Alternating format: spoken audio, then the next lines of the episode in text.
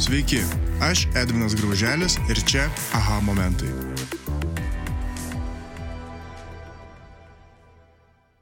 Šiandieną sveikinuosi su nuostabia moterimi, kurios ką tik pavardę vos ištariau. Tai yra Vaiva Žvirblytė. Tai yra solidų kosmetik savininkė, feministė, kelionių, kačiukų, knygų skaitimo, tekstų rašymo mylėtoja ir buvusi vertėja. Labas, Vaiva. Labas. Kaip tu laikais?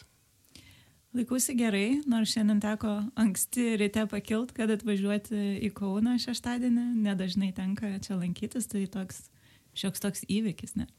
Nu, smagu girdėti, nes, nu, tikrai netu pirma, kuri iš Vilnius atvažiavusi panašias istorijas dalinasi, bet man patinka pačiam nebūnant kūniečių būti e, Kauno šiokiu tokiu ambasadoriumi.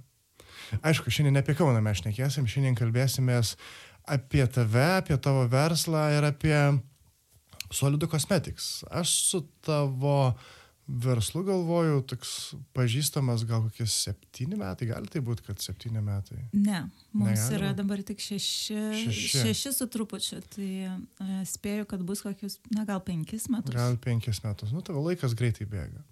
Tai Vaiva, apie ką tavo verslas ir kas tai yra? Kas yra Solidų Cosmetics?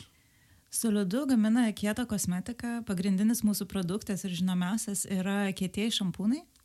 E, Ir įprastiniuose produktuose, kuriuos jūs e, dažniausiai randat parduotuvėse, skistame šampūne, kondicionieriuje, kūno prausiklėje, 80 procentų yra vandens.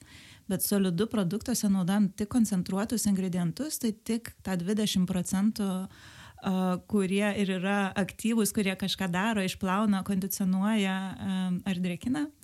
E, Todėl jie yra žymiai mažesni, labiau kompaktiški, jie yra kieti e, ir neturi plastikinių pakuočių. Tai kaip žinome, plastikas yra tikrai labai skaudi problema šiais laikais, kad ir kaip norime tikėti, kad jis perdirbamas, bet tai yra tik tikėjimas ir didžioji dalis visgi nėra perdirbama. E, Tai mes naudojame kompostuojamas pakuotės. Tai reiškia, kad žmogus um, panaudojęs tą produktą, pakuotę gali tiesiog užkasti žemėje, uh, kambarinėje gėlėje, darže kur nors, ji susikompostuoja per 45 dienas. Ir medžiagos, kurias naudojame pakuoti, yra visiškai natūralios, tai jos netgi gali patrešti dirbą. O gali Tai- papasakot, kokios tai yra medžiagos? Nu, ne, čia mano biochemiko tokies jau vidus sako, kas per medžiagos, kas per medžiagos. Tai yra bambuko drožlės, krakmolas ir anglis. Vis, O, geras. visiškai natūralūs dalykai, kurie tikrai ne, nepakenkia tai žemėje. Ar jeigu turite kompostą, kur gyvena kažkokie sliekai, kirminėliai, irgi viskas yra saugu. Ir klijai tokie patys. E, tai tiesiog pati dažnai nėra suklijuota. E, yra popierinė etiketė, ją tiesiog reikia nulupti, jau, ją tada reikia prie popieriaus e, atliekų įdėti, visiškai mm. mažytę šiukšlę susidaro nuo kiekvieno Šiukšlytė. produkto. Mažytė, mažytė šiukšlytė, ten kur būna tie zero waste judėjimo, na, garsenybės jau, kur gyvena visas savo šiukšlės į mažytį stiklainį sudėję, gal teko kada matyti tokie žmonės. Kur- girdėjęs. tai tikrai nedaug vietos tam stiklainį užimtume, visai galėtų naudoti mūsų produktus. Okay, geras, geras.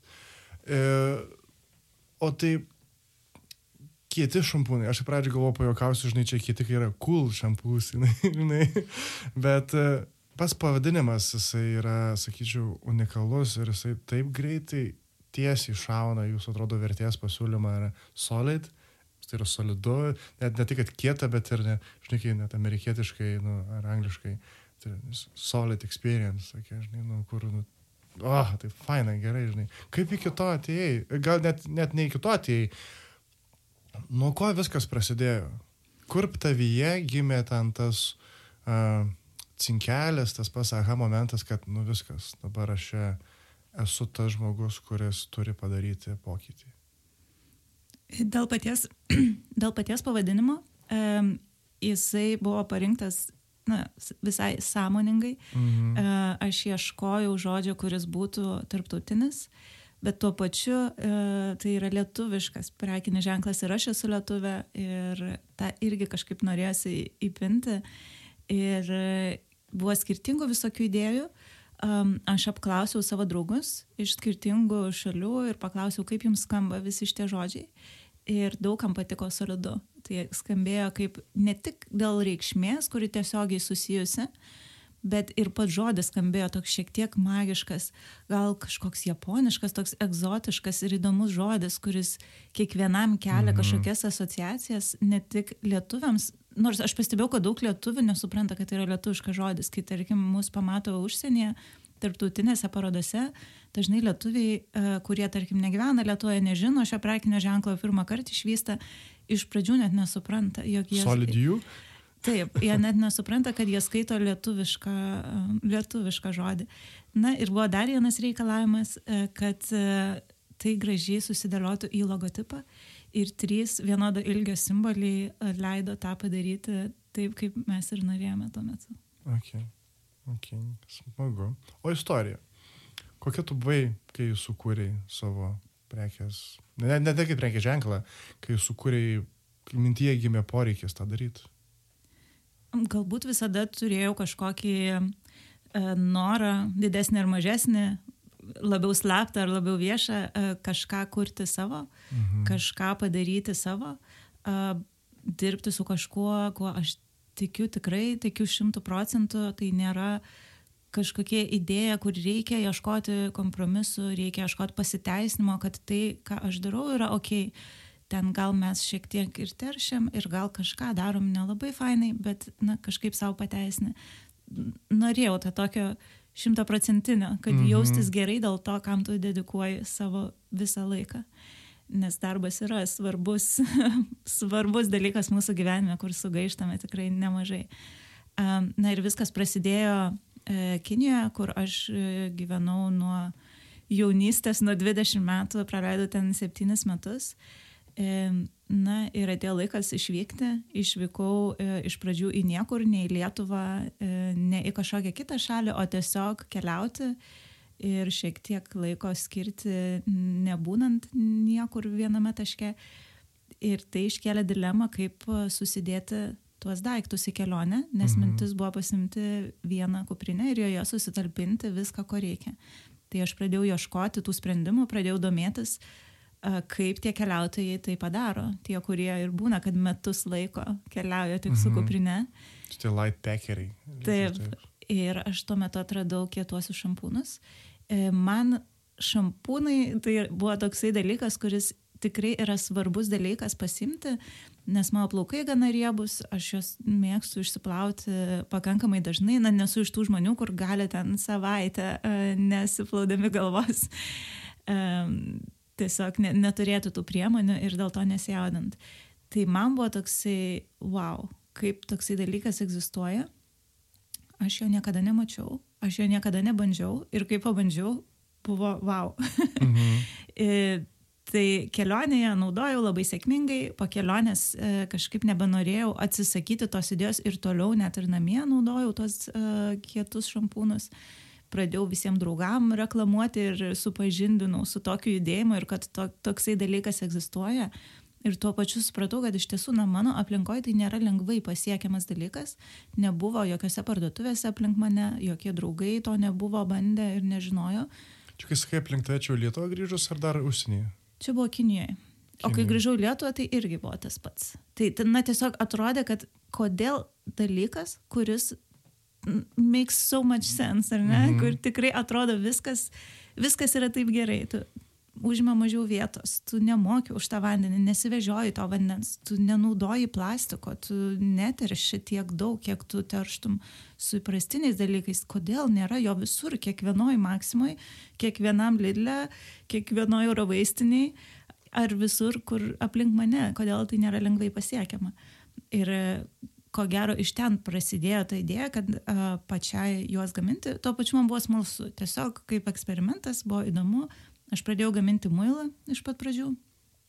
Ir nuo to muilo pradėjau gilintis toliau, žiūrėti, ką reiškia šampūnas, kuo tai skiriasi nuo muilo, kuo, kuo skiriasi ingredientai, kuo skiriasi gamybos būdai, kas tai yra per dalykai ir kaip jie veikia.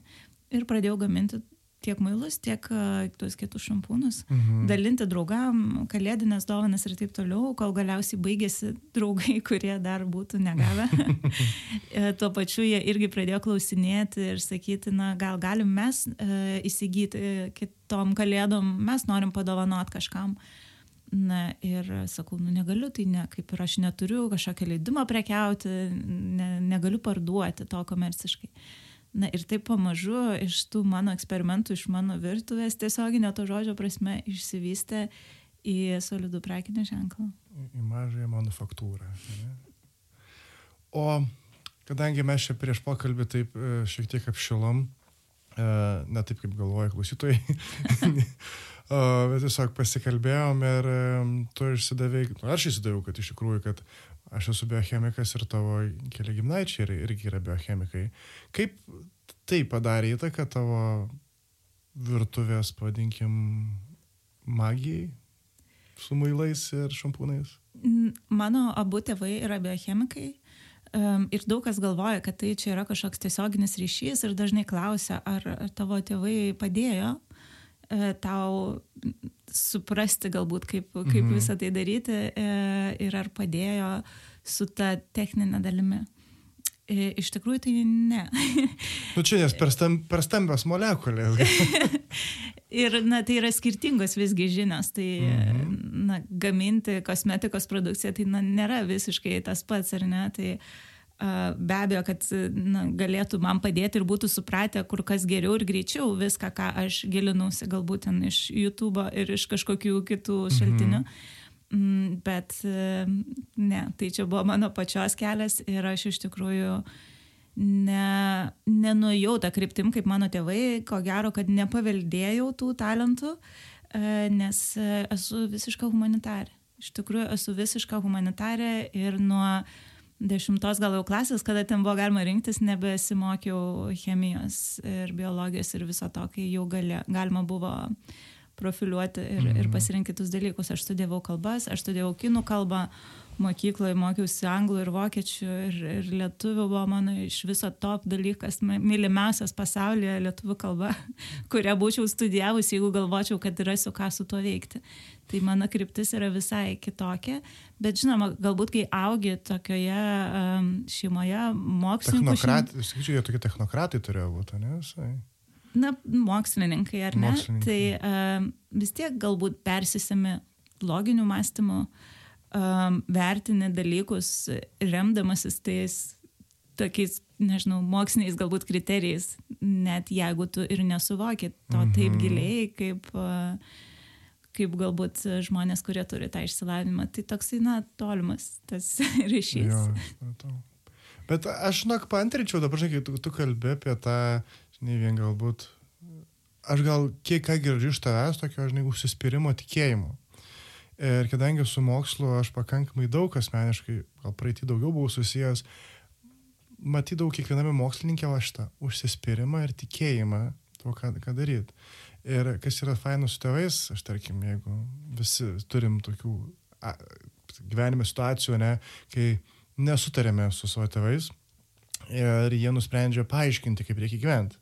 Tai aš tokį atradau būdą, kaip atsakyti. Sakau, aš esu tai, ką jūs sukūrėte. Ir tai, ką jūs norėjote įdėti į mane, nebūtinai yra manyje, bet tai, kas jūs esate, tai yra manyje. Ir jie siunta bet kita vertus tai yra labai gražu, žinai. Ir aš pagalvoju, žinai, va ta mokslo dalis iš tavo tėvų galbūt kažkokiu, žinai, būdu manifestuoja tavyje. Ir aš, nepažinodamas tavęs, žinai, galvodamas apie vis tiek tą bendrąją tokią chemiją, kurią tu taikai kasdien, nežinau, dabar gal mažiau taikai, ne, jau, jau dabar vadyba tokia labiau Vis tiek tai. Taip, bet uh, kažkaip netikėtai vis prireikia mano įsikišimo kažkur gamybos ir R&D mhm. skyriuose. Tai... O kur tu dabar įsikišiu, taip? Nes tu, kaip dabar supras tave, tu esi dabar full on direktorė, ne? Nu, toks užrašas būna ant...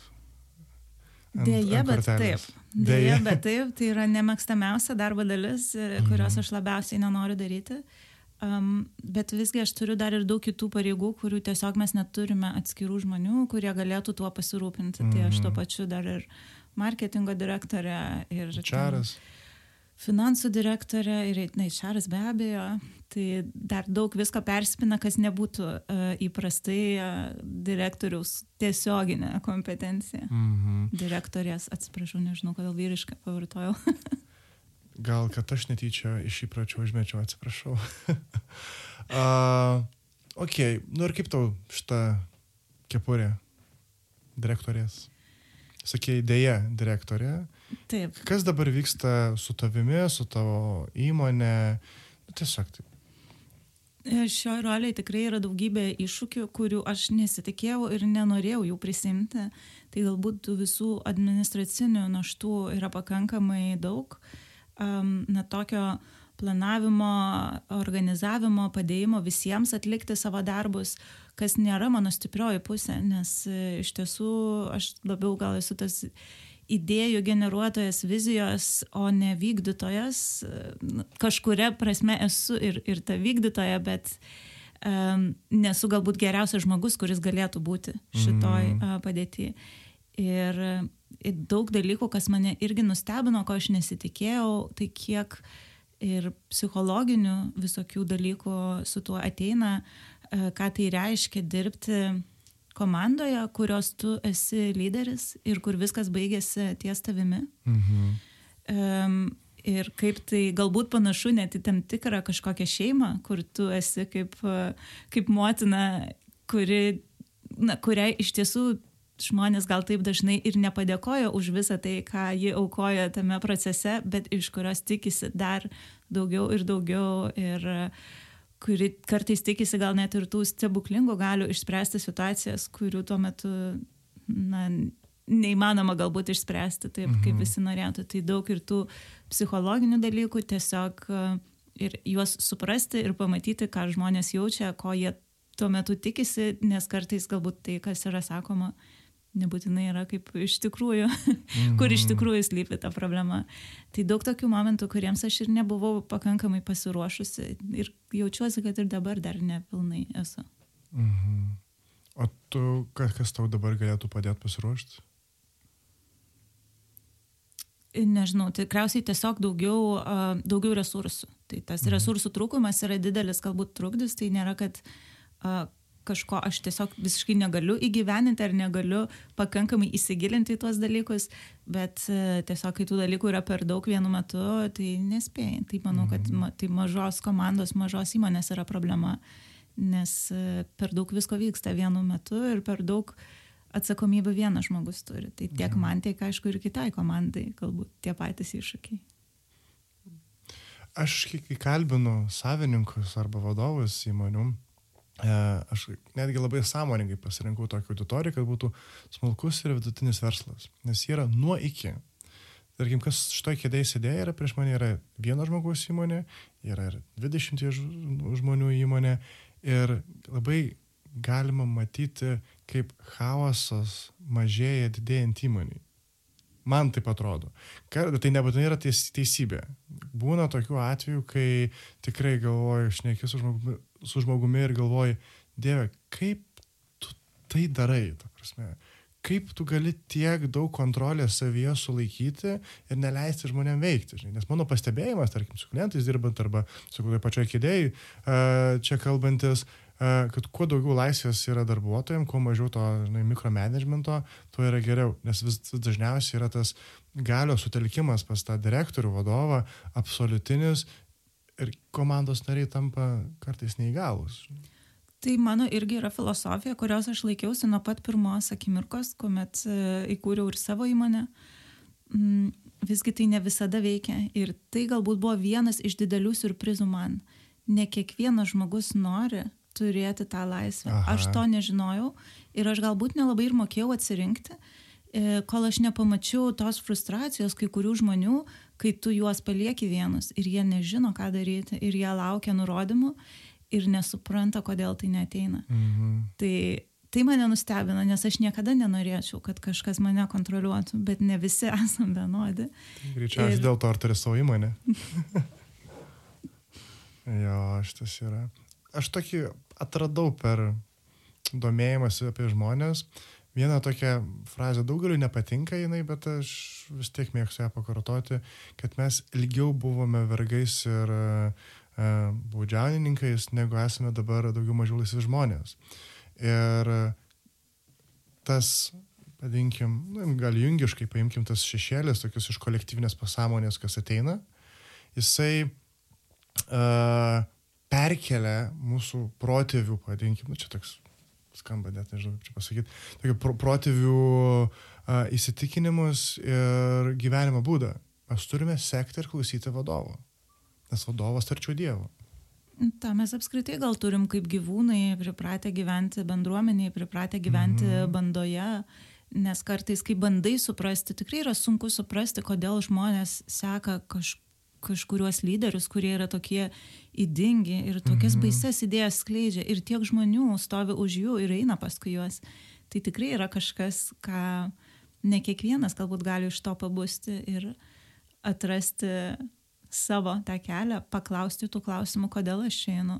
Mhm. Ar tikrai man čia reikia būti ir ar tikrai aš turiu klausyti, nes kartais mes tiesiog norime klausyti, mes nenorime įjungti savo kritinio mąstymo ir norim eiti. Kur nemalonu kritinį mąstymą turėti? Taip. Ir paprastai, jeigu kažkas tave apsaugos, tau kažką duos. Taip, pasakys, ką daryti reikia. Taip. Tai, kaip suprantu, tokių žmonių nebėra pas jo komandai ilgai jie neužsibūna, nes e, yra sunku išlikti, nes galiausiai tu lieki su tuo, kad na, tau reikia priimti sprendimą, o ką tu čia darai ir kodėl tu taip darai. Mhm. Ir tu gali eiti ir klausti, o, o kodėl čia ir kaip reikia daryti, o kaip tu manai. Ir ar tu gali man pasakyti, kaip tavo šitoj pozicijai reikia daryti. Mhm. Tai dažniausiai na kažkaip. Taip, tie dalykai atsisijoja, aišku, jau daug žmonių iš pat pradžių galbūt traukia kitokius žmonės dirbti na, mažesnėse mm. įmonėse, idėjinėse įmonėse, startuoliuose. Tai jau ir taip mums sekasi, kad geri žmonės ateina ir, ir randa ir tinkami, bet žinoma, kad viską pasitaiko per, per tą laiką. Mhm. O tai kuriai tu kategorijai dabar priskiria savo įmonę? Startuoliams. Startuoliams. Ir kaip tai supratai, kad startuoliai? Um, na, visų pirma, mes darom visada dalykus uh, inovatyviai, ieškome uh, geriausio sprendimo, nebūtinai bandome sekti tai, kas jau vyksta industrijoje, taip kaip visi visada darė ir bandom atrasti savo kelius, savo netikėtus kažkokius prieimus prie problemų. Um, na ir pastaruoju metu taip pat uh, pritraukiam finansavimo iš uh, institucinių investuotojų, tai jau pilnai įsijautim į tą startuolio statusą, kurį, kurį reikia auginti, kurį reikia plėsti ir tas idėjas skleisti kažkur toliau. Mhm. Tai tavo šitą, nežinau, kaip, kaip sakai, šeima, vaikas, ne, kurios galvotu esi, uh, kaip, da, aš nueisiu paskui link toliau, link tų investavimo, link tos plėtros, tikrai įdomu uh, man asmeniškai, žinai, paklausinėt, bet dar iki tol noriu suprasti, kaip tu rinkėsi komandą. Ir po to, kai pasakysi, kaip rinkėsi komandą, labai įdomu būtų išgirsti, kaip jinai po to tarpusavį veikia. Nes sakai, duodi tos laisvės, duodi to galimybės priimti sprendimą už save, Bet realiai, nu, tarkim, koks ten tau pačiai jausmas yra, kaip ten jie, žinai, burbuliuoja tarpusavį, komunikuoja, nes vis tik ir be tavęs vyksta dalykai. Žmonės renkuosi uh, labiausiai kliaudamasi intuiciją. Mhm. Kartais galvoju, kad tai yra kvaila ir bandau ten susigalvoti kažkokią sistemą, kurią aš taikysiu, kad tai būtų objektyvu ir taip toliau. Bet kol kas visgi ta intuicija yra, yra vedlys. E, tai ką aš turiu omenyje, aš neieškau, kas parašyta pa žmogų CV, neieškau, kad jisai parodytų kažkokią patirtį kažkokioj įmoniai, ieškau žmonių, kurie turi tam tikras savybės. Pavyzdžiui, gali apie tas savybės papasakot? Gal yra klausantis ir sakys, oh, aš vis svajau dirbti solidu ir tada galės įsivertinti, kad vis dėlto, ai ne, aš čia biški kažkoks anoks, žinai. Arba, o taip tikrai čia man. Svarbiausia savybė tai yra, um, nežinau kaip lietuviškai tai pasakyti. Kaip angliškai. Common sense. Mhm. E, labai. Common sense uncommon, is not so common. Not so common, e, iš tiesų. Ir aš vis dar apie tai mąstau, kaip sėkmingai tą iš tiesų patikrinti, kad nesuklystum. Nes uh, common sense neturėjimas yra galbūt didžiausia problema, su kuria esu susidūrusi, kuri priveda prie daug dalykų, kurie paskui iškrenta per, per tarpus mm. uh, procesuose. Tai čia pagrindinis būtų toks gebėjimas kritiškai mąstyti, gebėjimas logiškai mąstyti kiekviename, kiekvienoje pozicijoje, tam tikrose pozicijose, aišku, yra tada jau kažkokie ir techniniai reikalavimai, ar ne, tai jeigu tu dirbi R&D ar gamyboje, tai ir techniniai reikalavimai tau keliami, tai tiek išsilavinimo, tiek gebėjimo jau dirbti tą, na, labiau techninį ar mokslinį darbą. Jeigu tu dirbi su pardavimais, su marketingu, tai gebėjimas uh, mandagiai bendrauti, gebėjimas rašyti ir panašiai. Bet tai vėlgi nėra kažkoks, kad x metų patirties x įmonė, ar ne? Tiesiog ar tu tą sugebi daryti, galbūt tu niekada nedirbai pardavimuose, bet iš to, kaip tu šneki, aš matau, kad tu gali reprezentuoti mūsų šitą produktą. Be abejo, yra ir vertybinis sutapimas su žmonėmis, kuriuos pritraukiame kadangi dažnai žmonės ateina iš idėjos, jie tikrai tiki ir geriausiai sekasi tiem žmonėm, kurie nuoširdžiai teikia produktų, kurie ateina jau būdami superfanai e, mhm. šito prekinio ženklo. Todėl, kad jie ir toliau neša tada tą žinutę ir ją labai gerai reprezentuoja. Nu, fainai. fainai. Tai žodžiu, gut feelingas apie common sense. Aš turiu vieną pasakymą, kur per mokymus būna dažnai sakau, nieko nėra savaime suprantama. ir va tas yra common sense. Man draugas Kariškis vis pasakoja tokią apie bendrą supratimą apie higieną, ne? Nu, kaip tik, va, tavo tema, kaip tik šampūnai, mailai, prausimasis. Ir asmeninė hygiena pakankamai, nu, common sense, ne? Toks, nu, turi, nu, suprakaituoji vakarė, eina praustis. Deja, Ir e, mano tas draugas e, e, dažnai papasakojo, kaip jisai su šūktiniais dirbdamas turėdavo mokyti žmonės, kaip reikia praustis, kad pavyzdžiui, po dienos prasimurgdžius pelkėse ir visam suprakaitavus ir visas tavo koinės yra šlapios, kad praustis nėra prabanga, o tai yra normalu. Nes mama jie kaimukiai auga, ten tie žmonės, nu, sakydavo, švaros diena yra sekmadienis. Not so common. Taip. tai, žinai, aš matau, iš tokių pamokų galvoju, jo, žinai, ir va, kai tu sakai, kad bandai pamatuoti a, tą nuovoką, gal nuovoką, galim tai sakyti? O, tikrai neblogas žodis nuovoka. Nuovoka, Taip. jo, tai Žinok, net neįsivaizduoju, kaip irgi, žinok, tą patį daryčiau, irgi Aš, Taigi, gut feelingas visiškai. Aš tikrai duodu testus. Aš duodu testus, prigalvoju visokiausių testų. Dabar Pavyzdžiui. pašnekėsiu, nebegalėsiu paskui, kas girdėjo interviu kviesti. E, bet, na, būdavo ir kur, tarkim, kropštumas būdavo man labai svarbu, kad, tarkim, jeigu tu dirbi su ten dokumentais, sąskaitomis, skaičiais, kad tu Aha. gebėtum nepraleisti kažkokių dalykų. Tai, na, aš buvau prigalvojus ten tų testų, prispausdinus visokiausių Excelių, atspausdinus specialiai juos, privėlus klaidų, privėlus ten kažkokių tai skaičiukų, kuriuos tau reikia atkapstyti ir atrasti. Na ir aš žiūrėdavau ne tik, ar tu atrasi visas tas klaidas, bet ir kaip tu darysi.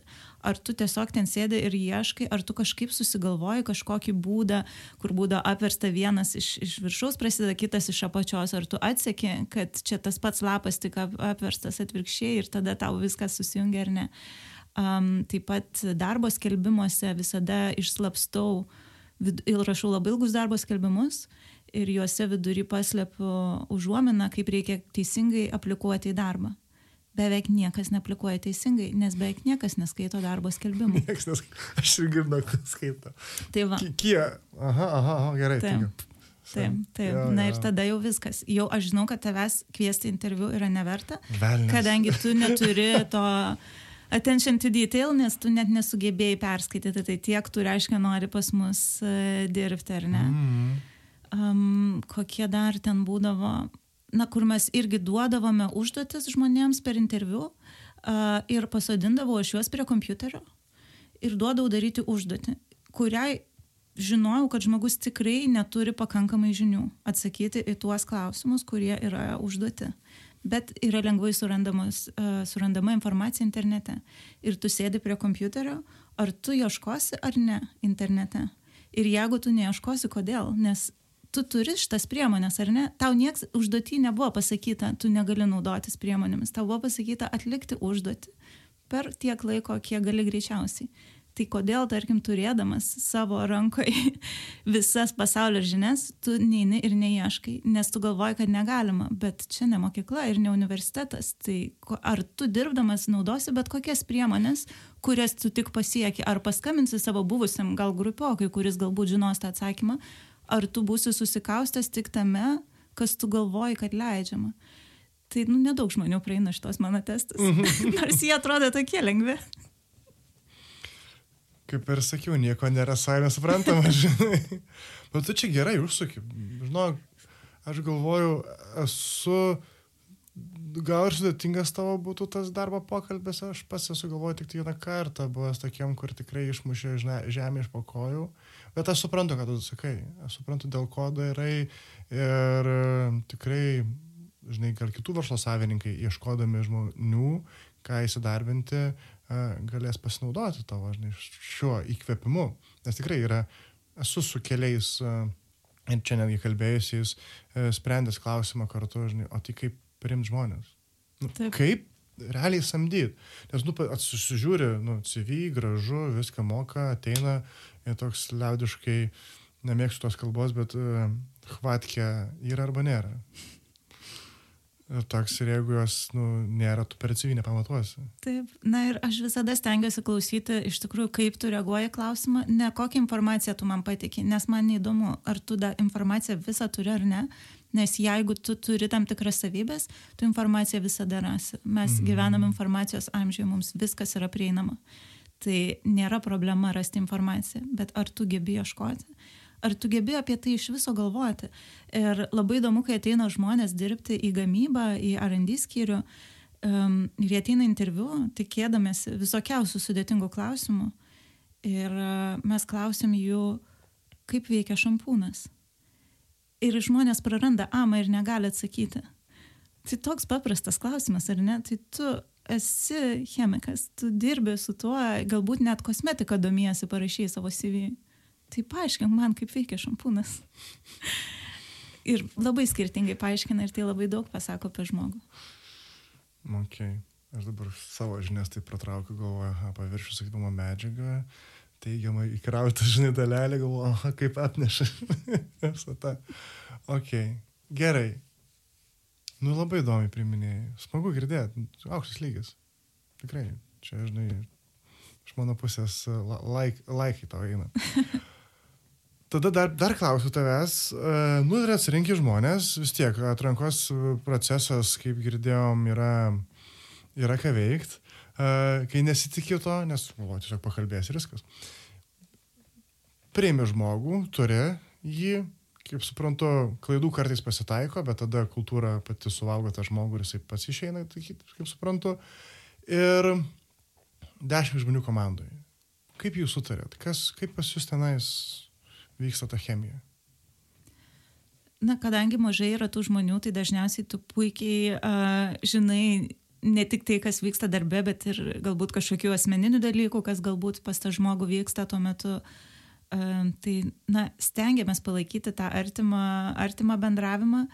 Kartais būna sudėtinga visiems, taip, nežinau, galbūt labiau susėd bendrai dirbti, dabar turim uh, patalpas kartu, bet atskiruose aukštuose. Tai šiek tiek yra tokia atskirtis, ką irgi vis mąstau, kaip mums geriau tai išspręsti, kad žmonės, kurie atskiroje patalpoje dirba, vis tiek, kad mes būtume kaip visa bendra mhm. Man kartais būna liūdna, jeigu žmonės, pavyzdžiui, bijo manęs, ar bijo man kažką pasakyti, ar bijo, jeigu aš ateinu ir, ir panašiai. Labai tą norėčiau kažkaip irgi pašalinti tą tokį, nežinau, kaž, kažkas kažkam vadovauja ir jau kažkas čia ateis pamatys, tai o Dieve.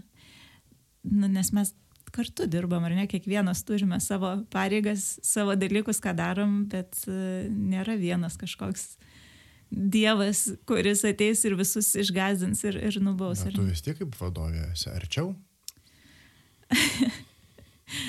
tai vad noriu kažkaip, kad, kad tą sumažint atstumą. Mhm. Žinoma, tas yra sunku, nes tai irgi pas mus giliai tie dalykai ateina iš kažkur. Aš atsimenu savo mamos istoriją, paimsiu. Jis dirba vienoje dideliai, senoj, puikiai žinoma įmoniai. Nenoriu skleisti tiesiog pavadinimą, nes jie ten turi įdomių procesų dabar. Tai yra tie iš gamybos ir tie iš balto pastato.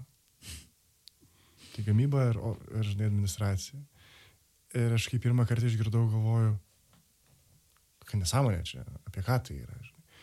Ir einant paskui gyvenimo keliu vėliau, a. Ir žinai, va ką radau, kad su šita pačia filosofija įvyko vieni didžiausių nusikaltimų mūsų visuomenėje, bendrai Europoje. Yra mes ir jie. Ir tai visada būna. Žinai. Ir va tai, kad tu sakai, iš tos pusės, a, kaip sumažinti tą atskirtį, tai pirmas dalykas sunkus darbas, antras dalykas galbūt kalbėtis apie tai, žinai, iš tos pusės žiūrint. Tų pačių žmonių klausti, nes kartais nenori. Yra buvę irgi situacijų, kur su vienu klientu iš e, tos organizacijos, kur pirmą kartą pamačiau, kaip minėjau, e, mes bendra- bendradarbiavom ir e, buvo vienas iš tyrimų daryta, didelė įmonė, čia netoli irgi kaunė esanti, ir jie sako, nu žinok, mes padarėm apklausą ir žmonės nenori. Tiesiog žmonės nenori artimiau bendrauti. Na, yra visokių žmonių. Yra žmonės, kurie um, neieško darbe kažkokio išsipildymo, neieško darbe kažkokios savirealizacijos. Jie į tai žiūri tiesiog kaip ateiti, pasimti kuo daugiau, darant kuo mažiau. Mhm. Tai jeigu toks jau yra tavo tikslas ir tau iš principo nerūpi šitą organizaciją ir kiti žmonės, kurie yra aplink tave, tai tau vienodai. Kaip jiems sekasi, kaip tavo komandai sekasi, nes tu atėjai susirinkti atlyginimo. Pas tavį yra tokių? Nebe. Nebe. Toks, ta akimirka pagalvojimo, ar tikrai sakyti ar ne, žinai, tada nebe. Ramiai, solidžiai, solidžiai. Labai gražiai šypsais, dabar reiktų kamerą kažkur pakabinti. Uh, ok. Nu gerai, tai aiškiai bendraujat kaip šeima, esate šiek tiek atskirti aukštuose, norisi tokio daugiau bendrumo. O tai dėl ko tu nori to daugiau bendrumo? Na, man e, solidu ir šitą įmonę tai yra labai svarbi mano identiteto dalis. Mhm. Kaip ir minėjai, kaip, kaip vaikas, kaip kūdikis ar ne, rūpi, kaip jam seksis. Ir e, žmonės, su kuriais aš dirbu, irgi yra to dalis, kurie kiekvienas iš jų man rūpi ir aš noriu, kad jie jaustųsi gerai, kad jie rastų tą savirealizaciją ir tą išsipildymą darbę, kad jie matytų prasme tame kartu su manimi, kad mes visi eitume link to paties tikslo ir niekas nesijaustų, jog, na, čia aš manau, kad čia taip nereikia daryti, bet mane privertė, va čia liepia, tai mes dabar darom, bet aš tai galvoju, čia nesąmonė. Na, tikiuosi, kad tokių dalykų nebūtų ir mes visi visada būtume tame sutarime, kad mes darom kažką, nes to reikia, nes mes matom, kad to reikia ir mes kartu priemėm tą sprendimą mm. eiti tą kryptimį. Man toks klausimas kyla, nežinau, ar visai tema ar ne. O ką tau kaip, kaip žmogui, kaip reiškia būti organizacijos vadovė? Tai yra didelė atsakomybė. Um, vėlgi manau, kad didesnė negu aš būčiau galėjus pagalvoti ir mhm. įsivaizduoti. O koks tai jausmas? Kokius tu jausmus patiri, būdama organizacijos vadovė? Tai streso pagrindė. Stresas. Taip. Nes e, vis tiek, net jeigu viskas sekasi gerai, tu um, galvoji apie tai, kas gali nesisekti, ar kas gali nutikti, nuo ko reikia apsisaugoti. Uh, jeigu sekasi kažkas nelabai gerai, tai tuo labiau tu jauti ne tik stresą dėl to, kad kažkas nėra gerai, bet ir didelę um, atsakomybę už tai, nes visi sprendimai jų galų galė buvo tavo ir Mhm. yra, ar ne. Um, ir taip pat yra tas šiek tiek ir um, negalėjimas išeiti iš šitos situacijos, nes tu negali parašyti pareiškimą ir išeiti iš darbo. tai yra ir tas, kad tu turi išbūti visame kame, kad ir kaip tai būtų sudėtinga tuo momentu, ar tu jau galvoji, aš nebegaliu, bet tu turi galėti. Nes tau tokio pasirinkimo nėra, nebegalėti. Mhm. Ir kas te palaiko šituose situacijose? Vyras. Pagrindė šeima? Taip, na, žinoma, ir darbuotojai, kuriuos, na, komanda tikrai pas mus yra nuostabi, tai be jų iš viso niekas nebūtų įmanoma. Tai tiesiog, nes jeigu aš viena būčiau visame tame ar su žmonėmis, kurie nesistengia ir jiems nerūpi, tai tiesiog mes net apskritai nebeegzistuotume tikriausiai, nes be žmonių nebūtų įmanoma sukurti visko Mhm. pačiam. Tai ką tu tokio tada kuri? Jeigu taip pažiūrint ne per produktą, o taip kaip po tuos visus žmonės, taip šeimai traukiant, koks tai kūrinys būtų? Na, galų gale mes dirbam su, su produktu, ar ne? Tai vis tiek viskas susiveda į tai, kad tas produktas, tu nori jį matyti kuo daugiau vietų, tu nori jį kuo plačiau parduoti, tuo pačiu tu nori kurti daugiau produktų, tu nori uh, daryti didesnį pokytį ir išleisti į pasaulį daugiau mhm. dalykų, kuriais tu tiki. Um, visada labai gera yra matyti žmonių atsiliepimus, matyti, kad kažkas naudoja ir mėgsta tą kosmetiką ir grįžta ir pasako, kad e, ačiū Jums, kad esate, ačiū, kad kuriat, e, man labai patinka, aš naudoju ir taip toliau. Tai šitos akimirkos, kai tu nueini parduotuvę ir matai tą produkciją, kur pats gaminai, pakavai ir, ir vežėjai, ar kai tu skaitai tos atsiliepimus, tai jos galbūt yra tas, kas na, atperka tą stresą ir atrodo mhm. taip, dėl to viską daryti verta. Dėl to. Tai ar aš suklysiu paklausdamas, kad tau produkto daroma įtaka rinkai ir žmonių gyvenimam yra šiek tiek aukščiau negu bendrai komanda? Mm, tik du labai skirtingi dalykai. Nes uh, produktas tai yra tai, ką mes visi kartu darome, o uh, žmonės tai yra tiesiog na, dalis to organizmo, kuris yra solidu, mhm. ar ne, mes tai darome kartu. Tai net nežinau, kaip negalėčiau sustatyti tų dalykų kaip į vieną kažkokį lygmenį, nes jie tiesiog jie yra skirtingi. yra žmonės ir yra produktai, tai nėra tas pats. Nes uh, klausimas uh, man kilo dėl to, kad esu nekartą susidūręs su vadovais, kurie savo darbuotojus traktuoja kaip Excel eilutes. Tai yra išlaidų eilutės. Nes jų produktas yra pats geriausias, jų produktas yra nepakeičiamiausias ir yra nuostabiausias visame pasaulyje ir jie niekaip negali suprasti, kodėl visam pasauliu jie nėra numeris vienas, bet aplinkiniai žmonės, su kuriais jie dirba, yra tiesiog nu, įranga, daiktai, tokie, žinai. Taip, aš nekenčiu Excelio, tenka su juo labai daug dirbti, bet e, man kaip tik atvirkščiai, man labai rūpi žmonės ir emocijos. E, ir kaip ir šnekėjom apie tą intuiciją ir, ir komandos e, sudarimo principus ir, ir visą tai, tai man žmogiškasis ryšys yra ko gero svarbiausias dalykas apskritai gyvenime, ne tik mhm. darbe. Mhm. O Excelį tikrai jų nemėgstu. Excelį, nu. Tai gerai. Šaunu, šaunu. Žvengia toliau, ne? Apie produktų tavo plėtrą, apie mm, augimą, apie visas viltis ir kas dabar yra įgyvendinama. Tu užsiminiai šiek tiek, kad um, žengėt kaip įmonė į naują etapą tokį, ne?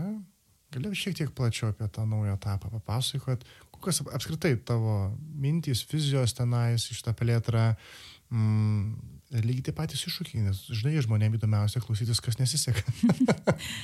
Tai po penkių metų tokio savarankiško auginimo ir, ir tiesiog savarankiško išgyvenimo, kol mes užaugom į tą, kas dabar yra solidu, kiek jau pavyko pasiekti Lietuvoje ir šiek tiek užkabinti kitose šalise, tai praėjusiais metais pirmą kartą pritraukėme investicijų uh, Ir, na, smarkiai galbūt pradėjom galvoti apie tai, ką iš tikrųjų mes galime padaryti, kokia ta vizija turi būti, nes be abejo to ir reikėjo tam, kad nueiti tuo keliu ir, ir ieškoti investicijų, bet tuo pačiu ir, na, iš pradžių daug kas taip iš inercijos vyko, iš to, kad pabandykim ir pažiūrėkim, kas bus.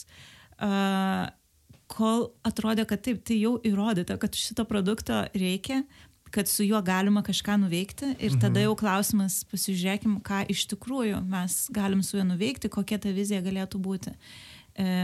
Ir dabar Lietuvoje tai solidu galima jau rasti visose didžiausiose priekybos centruose, kur... Čia tikrai, didelis darbas didelis ir toksai, na tikrai kaip svajonės išsipildymas atrodo, kur ir sakau, kad nueiti ir pamatyti savo produktą ant lentynų, uh, kai tu perki savo ten pieną, mhm. tai iš tiesų yra na, pasididžiavimas ir didelis pasiekimas ir manau, kad tam tikras įrodymas, kad tas produktas yra vertas būti toj plačiojo visuomeniai prieinamas visiems. Taip kaip aš sakiau, kad iš pradžių aš to nerasdavau ir to lyg ir e, bandžiau tą ir sukurti. E, na ir vizija yra žinoma, kad e, tai galima atkartoti ir daugiau kur. Tai galima išeiti į daugiau pasaulio rinkų, skirtingų šalių plėtros galimybių tikrai labai daug. Ir tuo tikslu ir pradėjome ieškoti, na, ko mums tam reikės, kas galėtų mums padėti šitame kelyje, kaip mes galėtume tai gyveninti.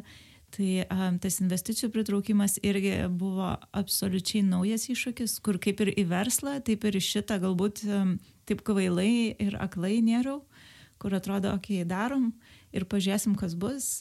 Nieko nesupratau hmm. ir su, netgi su mūsų dabartiniais investuotojais, um, kai gavau pirmą pokalbį, ruošiausi aš ten gal mėnesį prieš tai, bet nu aš net nesupratau, ką ruoštis, nes visa tas rytis man buvo nauja. Ir per jų pirmą pokalbį irgi atsimenu, kad aš ten sėdžiu ir jie manęs klausia klausimų, kur Pavyzdžiui. aš net... Um, aš dabar neatsimenu, koks tai buvo klausimas. Uh, Um, gal jie klausia, koks ten minimum ticket yra investuotojams. Ir aš nesuprantu, ką jie turi omenyje. Nes aš nežinau, ką tai reiškia, nes aš niekada nebuvau tokiam pokalbėje ir šalia nieko nesidėjau, kai jie buvo tokiam pokalbėje. Mm -hmm. Ir aš nesuprantu tų klausimų ir sėdžiu ir galvoju, nu, kaip, kaip čia dabar atsakyti. kaip nepasirodyti visiškai kvailai mhm. ir, ir kaip išsivartyti iš tų situacijų. Tai aišku, per tą laiką labai daug išmokau, vėl ir daug ir knygų perskaičiau apie tai ir įsigilinau į dalį tų terminų, tai be abejo tik dalį ir toliau aš dar labai labai daug ko absoliučiai nesuprantu, um, bet jau žymiai giliau nuėjau kur kas geriau supratau, kaip veikia tas pasaulis, nes tai yra atskiras pasaulis, kur yra svarbus kitokie dalykai, negu tu esi pripratęs kaip a, šiaip būdamas verslas. Tu visai kita, kitaip akcentuoji dalykus, a, negu, negu kažkur, nežinau, eidamas su banku šnekėtis, mm. ar ne? Mhm. Ir tą irgi tu turi išmokti. Ta pačią istoriją papasakoti e, iš kito kampo. Tai man labai įdomi šitą tavo kelionę, to investavimo keliai. Irgi tas pasklausimas, kiek tiketas. Tai čia, kaip suprantu, toks bainas, ne? Kiek, duoda, kiek akcijų duosi?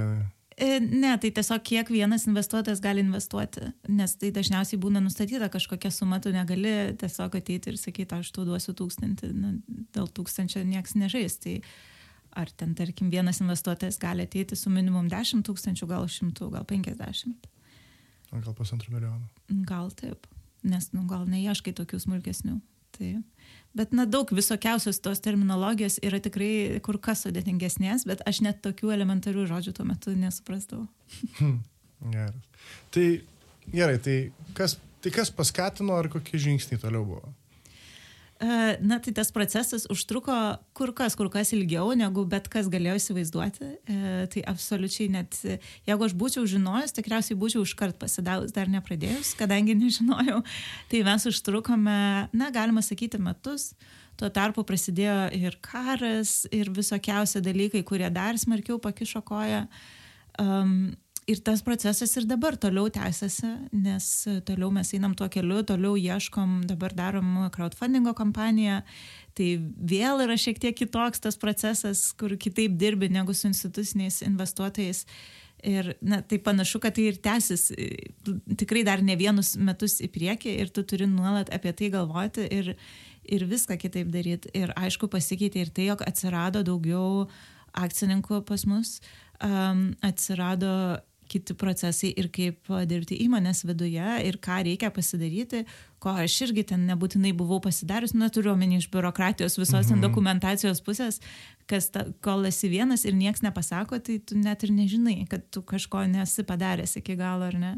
Tai ir visa tai dar prisidėjo. Tai labai faina, kad iš tikrųjų Lietuvoje mes radom uh, angelų, kurie prisijungė prie Solidu ir labai uh, kaip žmonės man taip pat labai labai padėjo su daug dalykų, vien tik su moralinė ir psichologinė parama. Tai na, kaip ir su darbuotojais, gal taip ir su, su investicijomis pavyko pritraukti žmonių sutinkamą energiją ir tinkamų mm. požiūrių.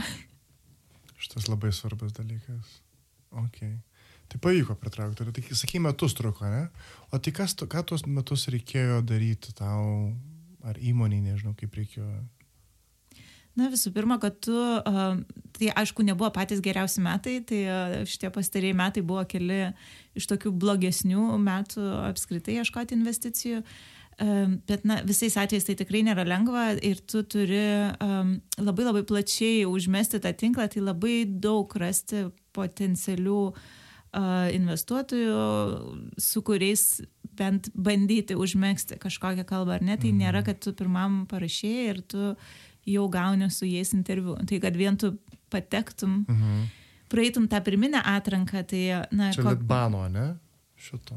Em, Ne, ne. Mes e, pritraukėm e, iš VC fondų, tai Mhm, Venture Capital. Venture Capital, kaip lietuviškai, rizikos kapitalas, Rizikos kapitalas. iš rizikos kapitalo fondų. E, Su Litbanu, tai Lietuva maža šalis, pas mus gal viskas taip labiau koncentruota, tai Mhm. e, su Litbanu gal šiek tiek yra paprasčiau, nes na, yra suburti visi tie angelai į vieną vietą ir aišku, kur ten eiti ir su kuo šnekėti. E, O kažkur daugiau mes ieškom ne Lietuvoje, nes Lietuvoje tiesiog pas mus nėra šito fokuso, mes esam e, tų visų software uh, startupų šalis, ar ne, mes uh, tik tai žiūrime technologijas ir appsų norim, AI ir visų tų Na, dalykų. žinok, šių metų blockchain. startup fėrė jau buvo kalbama, kad jau atsikando. Tai Jau. galbūt ir mus atsisuks, bet tuo metu tikrai, na, absoliučiai niekas neturėjo intereso mm, žiūrėti į produktus, ypač, kad tai ne technologijų produktas. Tai Taip. kaip daug kas sako, tiesiog čia nais senovinis produktas ir senovinis jūsų verslas. Um, Nu, ir kas? tiesiog, kad tai nėra, nėra dažniausiai fokusas. E, ir mes tada pradėjom žvalgytis kitur, kas vyksta kitur. E, be abejo, kad yra įvairiausių fondų, kurie irgi žiūri į produktus, taip pat ir į būtent tvarumą. tą. Tai tvarumas e, yra mūsų galbūt pagrindinis dalykas, kurį akcentuojam. Ir kaip įmonė, bet ir kaip investicijų prasme, nes na, matuojame tą tvarumą, matom, ko, kokį mes galim sukurti tą pokytį Ir yra tų fondų, kurie būtent fokusuojasi į tvarumą e, ir tik į tvarumo startuolius, kurie gali įrodyti, kad na, vat, su kiekvienu pardavimu, su bet kokiu augimu didėja tas teigiamas pokytis ir, ir didėja tas teigiamas poveikis aplinkai. Tai todėl mums reikėjo ieškoti kažkur toliau, plačiau. Na ir žinoma, tas nėra taip lengva. Rašai iš kažkokios Lietuvos, dar tu čia beveik ant karo sienos ar ne. E, Na tai tikrai iššūkis, kad bent jau kažkas su tavim šnekėtųsi, o kai ir šnekasi iššūkis ir, ir įrodyti, kad tu esi tinkamas pasirinkimas. Tai solid variantas. Taip, parodyti, ką tu gali, parodyti, kokia komanda už to stovi, kaip, em, kaip tu jau įgyvendini tą viziją. Tai na, tas visas dalykas ir tikrai užtruko, užtruko ilgą laiką vien susirasti tinkamus žmonės, su kuo šnekėti, paruošti visą informaciją, tai vien jau kiek mums teko perdaryti tų Excelių, kuriuo aš sakiau, kad nemėgstu. Ir kiek mes kankinamės, kad iš tiesų pateikti tai, ko, e, na, ko vad reikia toj situacijoje, ko nori tie investuotojai, nes kartais tiesiog neturi, nors tuos dalykus lyg ir darai, planuoji, bet va, tokia forma, kaip tavęs klausia, neturi ir tada atsisėdi ir dėlioji už penkis metus ten tos skaičius mm. iš, visų, iš visų pusių. Tai tikrai užtrunka be galo ilgai. Jo. O kas toliau? Uh, tai, kaip ir minėjau, norim uh, plėstis. Norim, kad solidu būtų ne tik Lietuvoje žinomas uh, produktas, bet uh, ypač kitose šalise. Uh, dabar Lietuva didžiausia yra rinka, bet norim, kad tos užsienio rinkos taptų kur kas svarbesnės ir, ir didesnės. Uh, Daug labai perspektyvos matom Amerikos rinkoje, kur aišku ir konkurencija didelė ir sunku, bet uh, labai teigiamai priėmė mūsų produktą, labai gavom gerų atsiliepimų apie tai, uh, koks jis, koks jis yra, dėl to tvarumo, kad tokių sprendimų iš tiesų trūksta ir, ir reikėtų, kad jų būtų daugiau. Tai tikimės, kad tai padės mum užkariauti bent kažkokią nedidelę dalelę tos rinkos. Uh, Nuo kurios valstijos pradėtumėt? Mes jau turim klientų, mes jau turim pardavimų. O, uh, tai um, turime klientus. Vieni aš dabar nepasakysiu, kur jie, nes uh, nežinau šitos informacijos, kiti yra Floridoje, bet uh, jie parduoda po skirtingas, uh, skirtingas valstijas. Mhm. Tai, na, tiesiog tas procesas, aišku, jis irgi turi daug- daugybę iššūkių, tai nėra taip paprasta, kad atėjai ir padarai, net kai yra toks didžiulis potencialas, ar ne? E, tikrai iššūkių yra daug ir tai yra sunku ir neaišku, kiek tai užtruks ir, ir ar tikrai mums pavyks. O reikėjo kažkaip Amerikoje registruoti kitaip? E, ne, tai e, nėra tai produktas, kuris yra reguliuojamas, kaip būtų um, na, farmacijos produktas, ar tam tikri kosmetikos produktai turi specialius reikalavimus, kaip tarkim uh, saulės tenkremai, ar Mhm. man atrodo ir dezodorantai, bet paprasta kosmetika tai nėra kažkokių ypatingų reikalavimų, plus pas mus Europoje yra vieni griežčiausių pasaulyje. Tai jau kai čia nais praeini visus tos kelius, tai kitur dažniausiai na, nebūna, kad kažko netitiks ir ten tos dokumentus susitvarkyti yra pakankamai. Sako, sunkiau tik Japonijoje. Tikrai geras. Bent farmacijos lygmenį, tai būdavo, jeigu norite į Japonijos rinką, tai visus procesus, viską turi peržiūrėti, prasme, nu ten yra jie tiesiog tą kultūrą, jie padaro, kad viskas būtų tobulą. Į Japoniją dar neišėjom, nors šnekėjom su japonais, tai na, irgi nebuvo užsiminę, kad būtų kažkokia problema tuo metu. Tai nežinau. Gal kosmetikoje nėra, žinai, aš vėl Gal kalbu iš farmacijos. taip. Nes, e, na, kosmetika, sakau, Europa tikrai yra uždraudusi pakankamai daug dalykų, e, jog e, ne- nelabai yra ką dar prigalvoti kitoms šalims, Mhm. man atrodo, bent jau šiuo metu. Okay. Tai žodžiu, plėtra plačiau iš už Lietuvos, ne? O čia tik tais, tais, tais pačiais SKU plėtra ar ir produktų Asortimento. baze, jo asortimento? E, Tai visada yra tas noras kuo daugiau e, tų produktų naujų išsileisti, kuo daugiau inovacijų padaryti ir idėjų mes visada turim labai daug, ką dar galima padaryti, kuria dar kryptim būtų galima eiti ir dažniausiai tiesiog yra laiko trūkumas ir resursų vėlgi, kad e, tu nespėjai išleisti tiek, nes na tai užtrunka Jo. ir kai nėra daug tų žmonių, um, na, daug visko turi daryti tie žmonės, ar ne, juk ir esamus produktus, ir jie reikalauja priežiūros, ir naujų tyrimų būna reikia, ir pakeisti kartais reikia kažką juose, ar dar kažkaip patobulinti, ir tie gamybos procesai irgi visada reikalauja ir skęsti toj kasdienybei, nors ta kūrybinė dalis ir yra tas, ko galbūt labiausiai norisi. Ir man, žinoma, ir, ir komandai, kuris ties tuo dirba, atrodo čia įdomiausia ir smagiausia yra naujų produktų sukūrimas. Tai turim daug idėjų, em, turėtume kitais metais tikrai pasipildyti skirtingom kategorijom e, ir praplėsti tą savo sortimentą, nes em, na, visada yra ką dar padaryti ir, ir visada norisi atrasti dar galbūt kažkokių naujų kampų, kur, kur mes dar nenuėjom. Tai abu dalykai. Mhm. O žmonių kiekyje? Kiek, kiek esi numačius komandos plėtrą? E, Tai mes turime pagrindinės kompetencijas, e, ta komandos plėtra gal e, labiau prie kiekių, kai reikia daugiau pagaminti, tai daugiau pagaminti, daugiau supakuoti, tai tuomet atsiranda tas klausimas, kiek, kiek daugiau žmonių tam reikės. Kažkokių labai didelių žingsnių ties pagrindiniam kompetencijom dabar e, nesu numačius, nes nėra smarkaus to poreikio. Na, su marketingu gal dar turim va tokią neužpildytą poziciją, kur aš pati daug padengiu. Tai šitą šiek tiek žvalgomės, žiūrim, kaip čia geriau ir pratingiau Mhm. padaryti, uh, bet kol kas irgi nėra, kad aktyviai planuojam užpildyti šitą poziciją. Supratau. Tai automatizacijos dar nereikės. Automatizacija šiek tiek irgi turim planų, uh, nemanau, kad kitais metais įsigyveninsim.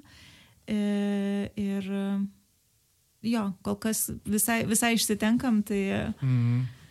Nes žinai, čia tas galbūt klausimas atkeliauja iš daž, dažnos problemytės atsirandančios, kai atsiranda greitesnis augimas. O tai kaip įgyvendinti sutartis? Nes tarkim, jas pardavėm ir tada, oi, Nu taip, čia visada yra didelis vištos ir kiaušinio klausimas. Amžinas ar ne? tai manau, kad visas... šitam tai atsakymą turiu, žinok, iš tos. Taip. Kiaušinis. Žinai dėl ko? Nes kai višta atsirado, tai kiaušiniai jau buvo anksčiau įsivystę.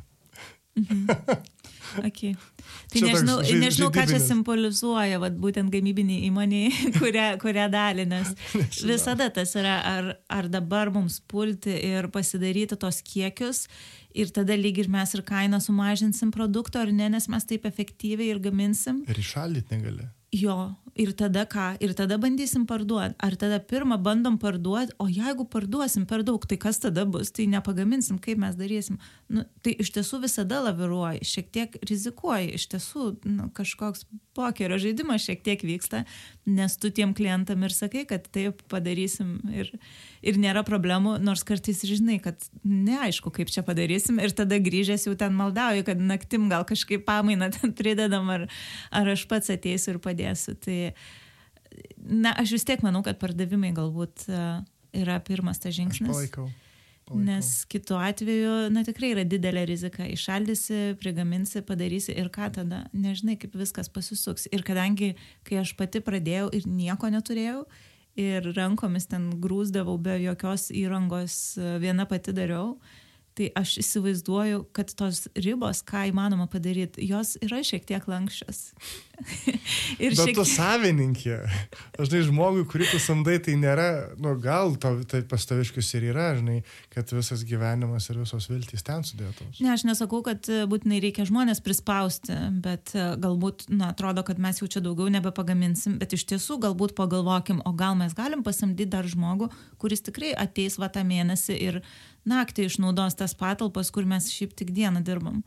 Tai nebūtinai, kad tas žmogus dabar liks tenais 15 valandų pamainas, ar mm. ne, nebūtinai apie tai aš kalbu, bet apskritai, kad e, gal neturim tos įrangos, o gal tikrai mes dalį be įrangos padarysim kažkaip ar su kita įranga, ar kažkaip sugalvosim. Tai tiesiog žinau, kad yra dalykai įmanomi kartais, e, kur, kur atrodo mm. ne visai įmanomi iš pat pradžių. Okay. Tai dar vieną tokį klausimą turiu prieš jau valandai pabaigą, iš tikrųjų net nesijaučia, ne? Tai o kaip su, mm, šito, nežinau, ne IP, bet brendo apsaugojimu? Vis tiek pati sakėjai, Kinijoje ilgai gyvenai, ten, žinai, greitai, o pamatė, jau turim. Kaip turit planų, ar jau yra apsaugotas brandas? Prekinis ženklas be abejo yra apsaugotas, tai tiek mūsų logotipas, tiek pats prekinis ženklas solidu ir mūsų forma, kuri yra dalis šito identiteto. Tačiau kosmetikoje gal tai nėra labai aktuolus dalykas, kad e, būtent stengtis apsaugoti kažkaip a, nuo, nuo konkurentų, nes tu nelabai ką nukopijuosi. E, Nėra čia tų didelių paslapčių ir paėmus kosmetikos gaminį, tu gali matyti, iš ko jisai padarytas ir šiaip tu paprastai gali nukopijuoti.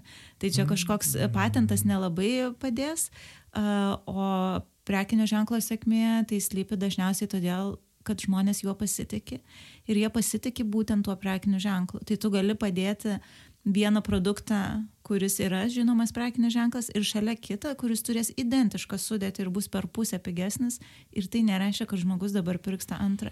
Jisai nesugebės įvertinti, kad tai yra ta pati sudėtis. E, jis nesugebės įvertinti, kad tu čia irgi gali pasitikėti. Nes ką tu žinai, kas ten pagamino ir ko ten pridėjo, mes neturim pakankamai žinių, kad išsianalizuoti sudėti ir gamybos būdus. Todėl mes turim kažkaip lengviau atsirinkti, dažniausiai sekdami tam tikrus ženklus, matydami, ką jie daro, kaip jie daro, girdėdami iš kitų žmonių, mes ir pradedam pasitikėti ir rinktis būtent tą produktą. Tai iš esmės marketingas, marketingas, marketingas. Taip. Tai va, jau kaip ir sakiau, laikas jau suėjo. Tai kaip ir visų klausiu, iš esmės tą paties po šios valandos, ką tu savo įsineši? Man kiekvienas pokalbis su kiekvienu žmogumi yra geriausias būdas uh, pareflektuoti, uh, nes man uh, mintis, išvados kažkokios gimsta kalbant. Uh, žinau, kad yra skirtingų žmonių, kiti galbūt kaip tik vienumoje gali tik tai tas mintis išgryninti, o man ateina idėjos ar išvados, kai aš šneku. Uh, tai manau, kad irgi visos temos, kurias mes palėtėm, man ir sukėlė kažkokių minčių, leido suprasti, kaip aš jaučiuosi su, mhm. su tomis mintimis ar su tuo, ką mes palėtėm, apie kurias verslo dalis mes pašnekėjom. Jeigu supranti, ką turiu omeny. Mm -hmm, mm -hmm. Man tai patinka. Man, man gerai buvo su tam kalbėti, tikrai. Labai malonu, labai matosi tas jaukumas, atvirumas, žinai, ir kad tikrai esi linkusi dalintis ir mažų mažiausiai tiki tuo, ką darai. Ir aš tik tai, žinai, linkiu kuo toliau tų didžiausios sėkmės, plėtros ir ne tik produktų, bet ir nu, tų pačių procesų, kad nereikėtų būti e, vienai su keturiom pozicijom, ne? Direktorė, finansininkė, marketingistė ir HR. Jo. Taip, kad laikui bėgant mažėtų tų pozicijų. Tau asmeniškai. Tai kur jūs galima rasti? solidukosmetics.com um, galite rasti mūsų elektroninę parduotuvę ir visą informaciją. Um, socialiniuose tinkluose irgi visur Solidu Cosmetics. Mane galite labai banaliai rasti kaip Vaiva Žvirblytė visur, ar Žvirblytė Vaiva, um, kur irgi ieškosite ar LinkedIn, ar Facebook, ar kažkur.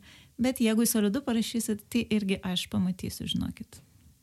Super. O podcastą galima rasti Contribui, Spotify, Apple Podcast ir Google Podcast. Ačiū, kad buvai su manim. Ačiū, kad pakvietei. Norėdami prisidėti prie panašaus turinio kūrimo, prenumeruokite AHA momentų tinklalaidę. Mūsų rasite Contribui platformoje Spotify bei Apple Podcast. AHA momentus kūrė Garsas Modestas Kapustinskas, dizainas Greta Venskūnaitė ir žmonės kalbina coachingo specialistas Edvinas Grauželis visos teisės yra saugomos